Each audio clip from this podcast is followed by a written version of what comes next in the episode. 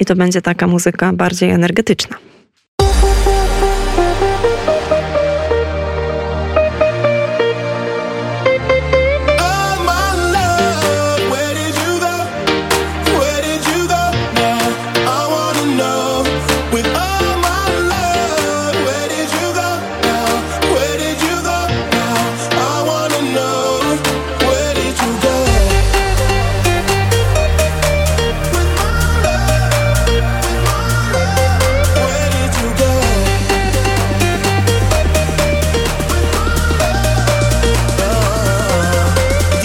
have to walk.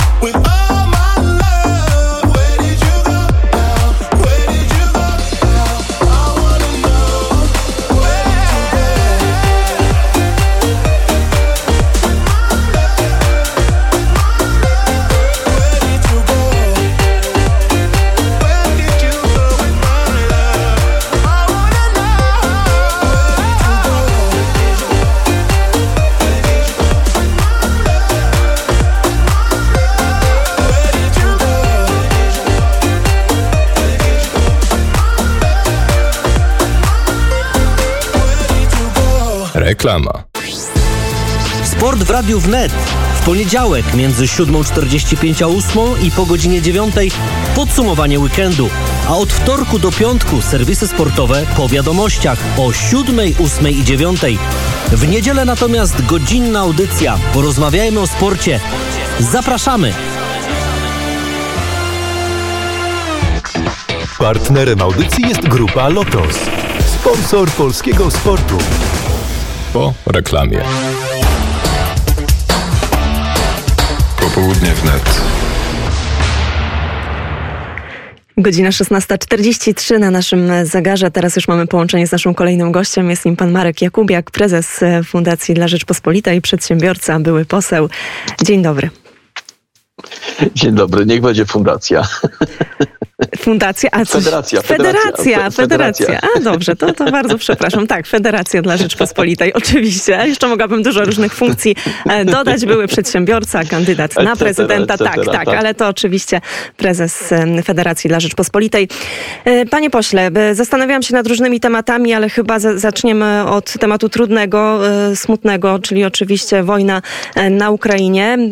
Ale może od innej strony, od strony Polski, polskiej wojskowości. Ja pamiętam kiedyś na antenie Radia Wnet wspominał pan, że mm, odbywał pan i obowiązkową służbę mm, wojskową, ale także szkołę bodajże, perso mhm. szkołę perso personelu technicznego, wojsk lotniczych.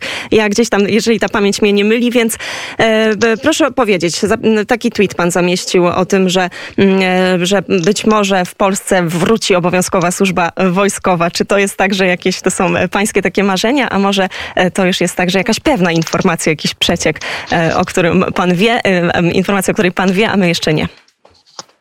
No muszę zacząć od tego, że ja jestem zwolennikiem obowiązkowej służby zasadniczej. To jest tylko tyle, że nie w wymiarze dwóch lat, tylko sześciu, dziewięciu miesięcy. Jestem zdania, że młodym mężczyznom, tak jak i niektórym kobietom, bo tutaj bym dobrowolność zostawił po stronie płci pięknej. Mm, e, takie szkolenie jest przydatne nie po to, żeby ginąć w czasie wojny, tylko żeby właśnie nie ginąć w czasie wojny. I cała ta dyskusja, oczywiście bardzo brutalna, bardzo emocjonalna, też tam szczucie trollowe było ze strony Platformy Obywatelskiej i tak dalej, i tak dalej, bo tam zdajecie sobie Państwo sprawę, że tam nie chodzi o to, żeby uformować polskie społeczeństwo w jakiś korzystny sposób. Tam chodzi o to, żeby dowalać każdej tylko inicjatywie, jakakolwiek by nie powstała mm, w ramach e, Zjednoczonej Prawicy czy też e, polskości. Nawet wojna na Ukrainie tego mm, nie jest w stanie zatrzymać tej takiej hipokryzji, która z jednej strony każe im mówić Polska to moja ojczyzna, ale po co szkolić się do obrony tej ojczyzny? Przecież Niemcy nas obronią. Mm, tak samo jak ich lotniskiem. Po co mamy budować lotnisko, skoro Niemcy mają? Się okazuje, że Niemcy nic nie mają tak naprawdę. E, mają sojusznika w postaci Rosji, e, tylko tyle, że ta Rosja jest odwiecznym wrogiem naszym, a nie Niemiec. I tutaj powstaje e, pewien dezonans. Natomiast powracając do meritum, mm, to proszę Państwa, pojawiło się takie rozporządzenie, które mm, być może nieszczęśliwie jest nazwane mm, o odwieszeniu zasadniczej służby, obowiązkowej służby wojskowej. I ja ucieszyłem się i napisałem o tym, że jednak powraca, co mnie bardzo cieszy. Wewnętrznie ministerstwo na moim Twitterze odpowiedziało, że nie ma zamiaru czegoś podobnego robić. Nie wiem. Niech w takim razie te rozporządzenia piszą w sposób czytelny, tak żeby można było to jednoznacznie interpretować. Ja nie znalazłem ani jednego zdania, które w tym rozporządzeniu stanowiłoby, że nie chodzi o służbę e, e, obowiązkową. Tam jest wyraźnie to napisane, obowiązkowa służba zasadnicza. E, natomiast co do, co do co do mojej zgody bądź niezgody, no to oczywiście to jest stanowisko Federacji dla Rzeczpospolitej w tej sprawie, że nie ma tutaj wyboru wyboru. Każdy obywatel powinien umieć i powinien potrafić myśleć odpowiedzialnie, e, w sposób zorganizowany, zdyscyplinowany e, i powinien umieć posługiwać się bronią, granatem, czy Bóg raczy wiedzieć czym, co środki, bo zależy jak każdy będzie zakwalifikowany. Nie wierzę tutaj w dobrowolność, bo jak to? Pytam się, ochotnicy mają bronić jedynie ojczyzny, a reszta będzie co, w gry komputerowe grała? Czy w restauracjach będą w Warszawie siedzieć i kawę latte pić na Placu Zbawienia? Zbawiciela. Ja się po prostu nie zgadzam na takie traktowanie ojczyzny yy, i, i tyle. Być może w, w latach, kiedy ja byłem wychowywany, yy, żołnierze w mundurach chodzili normalnie po ulicach i yy, ja nie przypominam sobie, żeby z, z tego powodu ktokolwiek mnie opluwał albo ktokolwiek mówił cokolwiek złego. Żołnierz to polski był żołnierzem polskim i tyle. To prawda i oprócz tych aspektów, o których pan wspomniał, czyli tego, że po prostu, no zresztą no, możemy to obserwować na przykładzie Ukrainy, no, no, osoby, które potrafią obsługiwać się bronią. My też potrzebujemy obywateli, którzy będą umieli obronić swoich domów, obronić siebie, swoje rodziny, ale no Izrael jest takim przykładem. Tam przecież ta służba obowiązkowa jest dla wszystkich, dla kobiet, dla mężczyzn, wszystkich obywateli powyżej 18 roku życia. Ja spędziłam trzy tygodnie i robiłam też takie wywiady krótkie. Rozmawiałam właśnie z tymi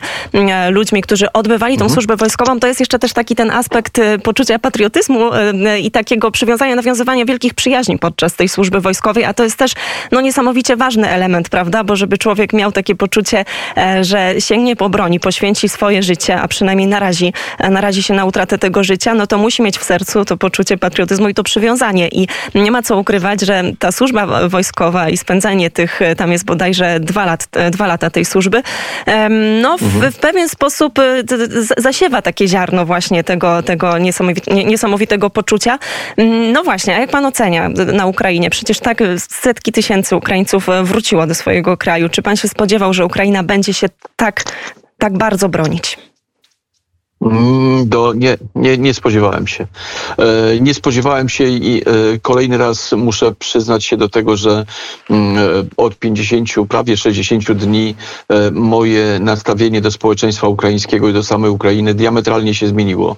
Otóż ja po 14 roku, jako oczywiście były żołnierz zawodowy, potrafiący czy mający wiedzę na temat wojskowości, patriotyzmu i tak dalej, i tak ja byłem oburzony tym, że jedynym oficerem, który postawił się w jakikolwiek sposób na Krymie e, Rosjanom, był oficer i pewnie, mm, e, pewnie przez przypadek nazywał się Kowalski, e, oficer armii ukraińskiej.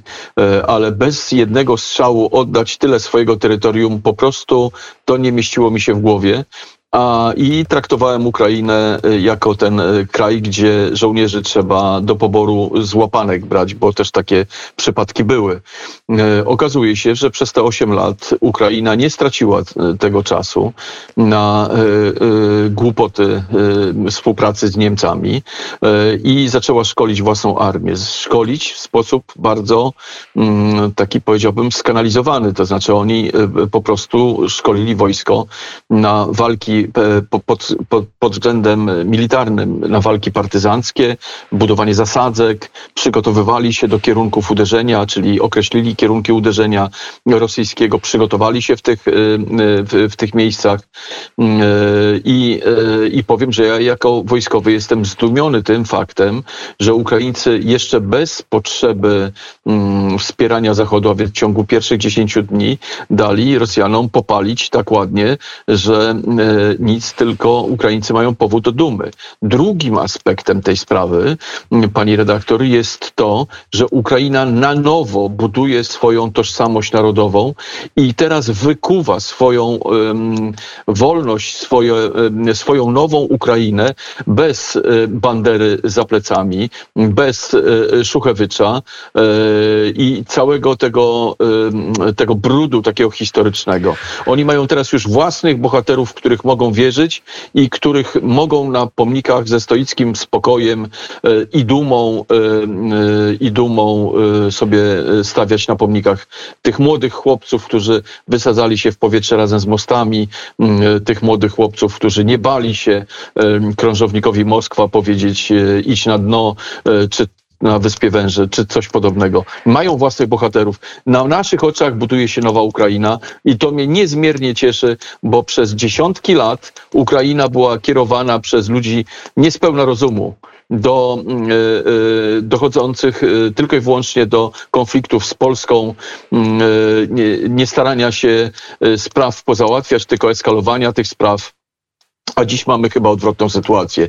Być może jest to zasługa prezydenta e, Żeleńskiego. Natomiast no zobaczymy, jak dalej będzie. Myślę, że są sprawy, które my załatwić musimy bezwzględnie, bo tutaj, e, proszę Państwa, nikt nie ma zamiaru zapewne przymykać oczu, czy też e, udawać, że nie było Wołynia i że nie mamy czarnych kart historii. Oczywiście były i one muszą, jak w rodzinie, być załatwione, bo nie ma wątpliwości, że Ukraina, Polska, to jedna rodzina. No i Białoruś oczywiście, e, którą mam nadzieję, że po tej zawierusze ukraińskiej e, Białoruś e, wróci do cywilizowanego świata.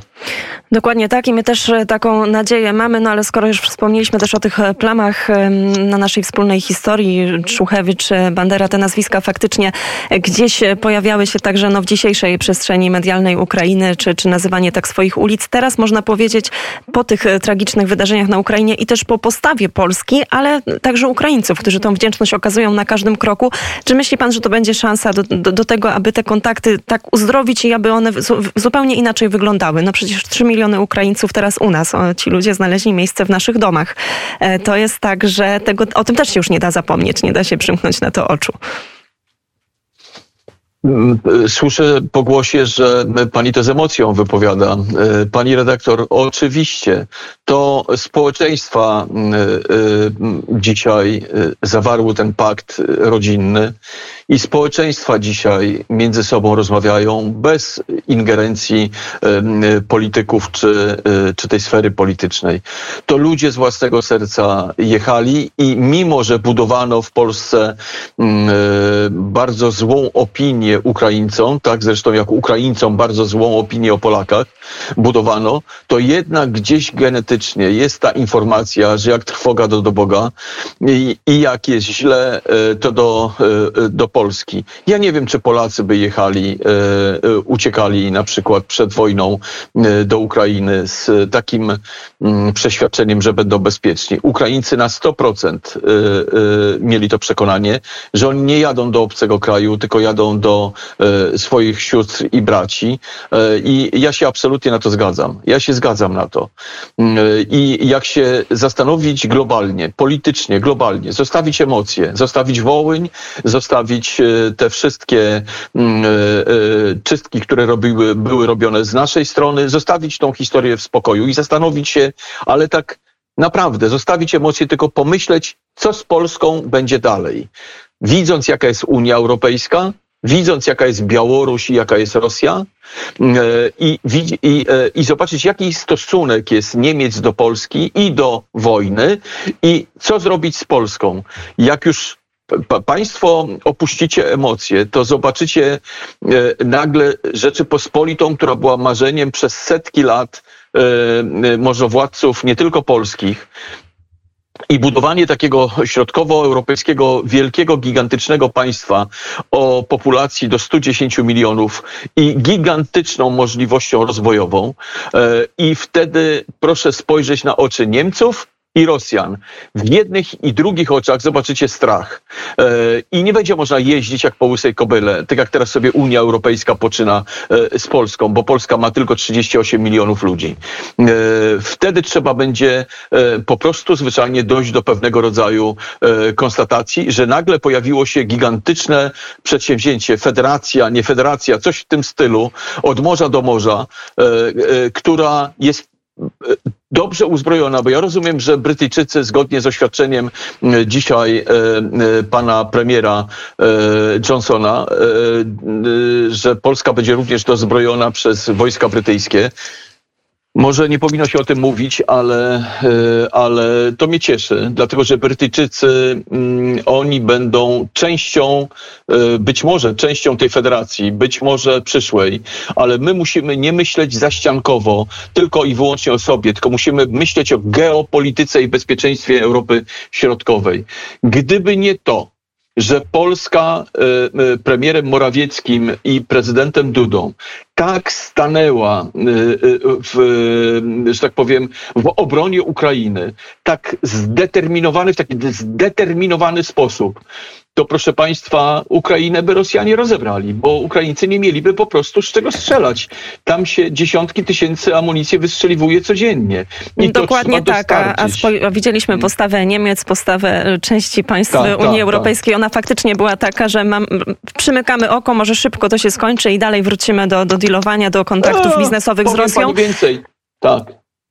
Powiem pani więcej. To był układ Jestem przekonany, że Merkelowa po coś pojechała do Berlina przed tym, że e, tymi wydarzeniami. Tam doszło do szczerej rozmowy w języku niemieckim i z całą pewnością Merkelowa wiedziała o tym, że Ukraina zostanie zaatakowana. To było w październiku albo wrześniu zeszłego roku. E, I, e, I Niemcy w tej sprawie nic nie zrobili, przymknęli oko i powiedział to ambasadorowi jeden z, jeden z, z ministrów niemieckich. Nie będziemy wam pomagać, bo trzy dni was nie ma. To, to, są, to są słowa niemieckie, niewymyślone. I to państwo od Władywostoku do Lizbony to jest fakt, wymyślony co prawda przez De Gaulle'a, ale Niemcy, e, e, Rosjanie i Francuzi to podłapali. I oni budowali nad naszymi głowami gigantyczne państwo. E, Ukraina stała na drodze, Polska stroi na drodze i wierzcie mi, że wróg nie musi koniecznie przyjść do nas ze wschodu. E, nie chcę dalej mówić, ale każdy niech sobie w głowie poukłada e, wszystko, co się dzieje i, za, i zapyta się, czy jest pewien, na, e, że wróg nie przyjdzie z zachodu. Panie pośle, i my ja mamy jestem. ostatnią, już dosłownie ostatnią e, minutę, to ja tylko zapytam, jak obserwuje pan e, ten konflikt e, i to, jak Ukraina broni się już e, przecież tyle czasu. Jak myśli pan, jaki jest moż- możliwy scenariusz, jak ta sytuacja się skończy? Oczywiście nie, Rosjanie już nie mają 20 batalionowych grup taktycznych, oni już y, mają 70, y, przepraszam, to nawet więcej mają wycofane. Oni mówią, że oni dostawiają wojsk, bo oni uzupełniają straty. To, że batalionowa grupa taktyczna w 40-50% przestaje istnieć, to znaczy, że cała przestaje istnieć, bo cała reszta żołnierzy nie, nie nadaje się do walki. Więc oni mają dzisiaj 70 grup, Ukraińcy mają znacznie więcej. I Ukraińcy bronią własnej ojczyzny przed orkami, jak ich nazywają, a e, tamci udają tylko, że w słusznej sprawie walczą.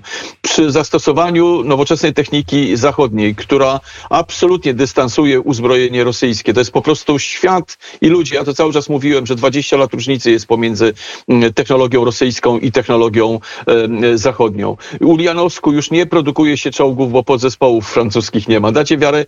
Nie produkuje się czołgów, proszę państwa, bo, e, bo komponenty z Francji nie doszły. To pytam się do tej pory, e, czy- czyje czołgi jeżdżą po e, polach bitew ukraińskich, skoro się nie produkuje, bo Francja zaprzestała dostarczać. Ludzkie pojęcie przechodzi. Mieliśmy piątą kolumnę, dosłownie, piątą rosyjską kolumnę w Unii Europejskiej w postaci Francji i Niemiec. Dokładnie tak, a też pewno trochę tej piątej kolumny, jak przynajmniej posłuchamy wypowiedzi części e, przedstawicieli e, Konfederacji, też można mieć podobne, podobne wrażenie, ale tutaj już musimy postawić e, kropkę. Pan Marek Jakubiak, prezes Federacji dla Rzeczypospolitej, przedsiębiorca, były poseł, był gościem Radia Wnet. Bardzo Tak. serdecznie dziękuję panu za komentarz. Dziękuję pani serdecznie. Kłaniam się. Do widzenia.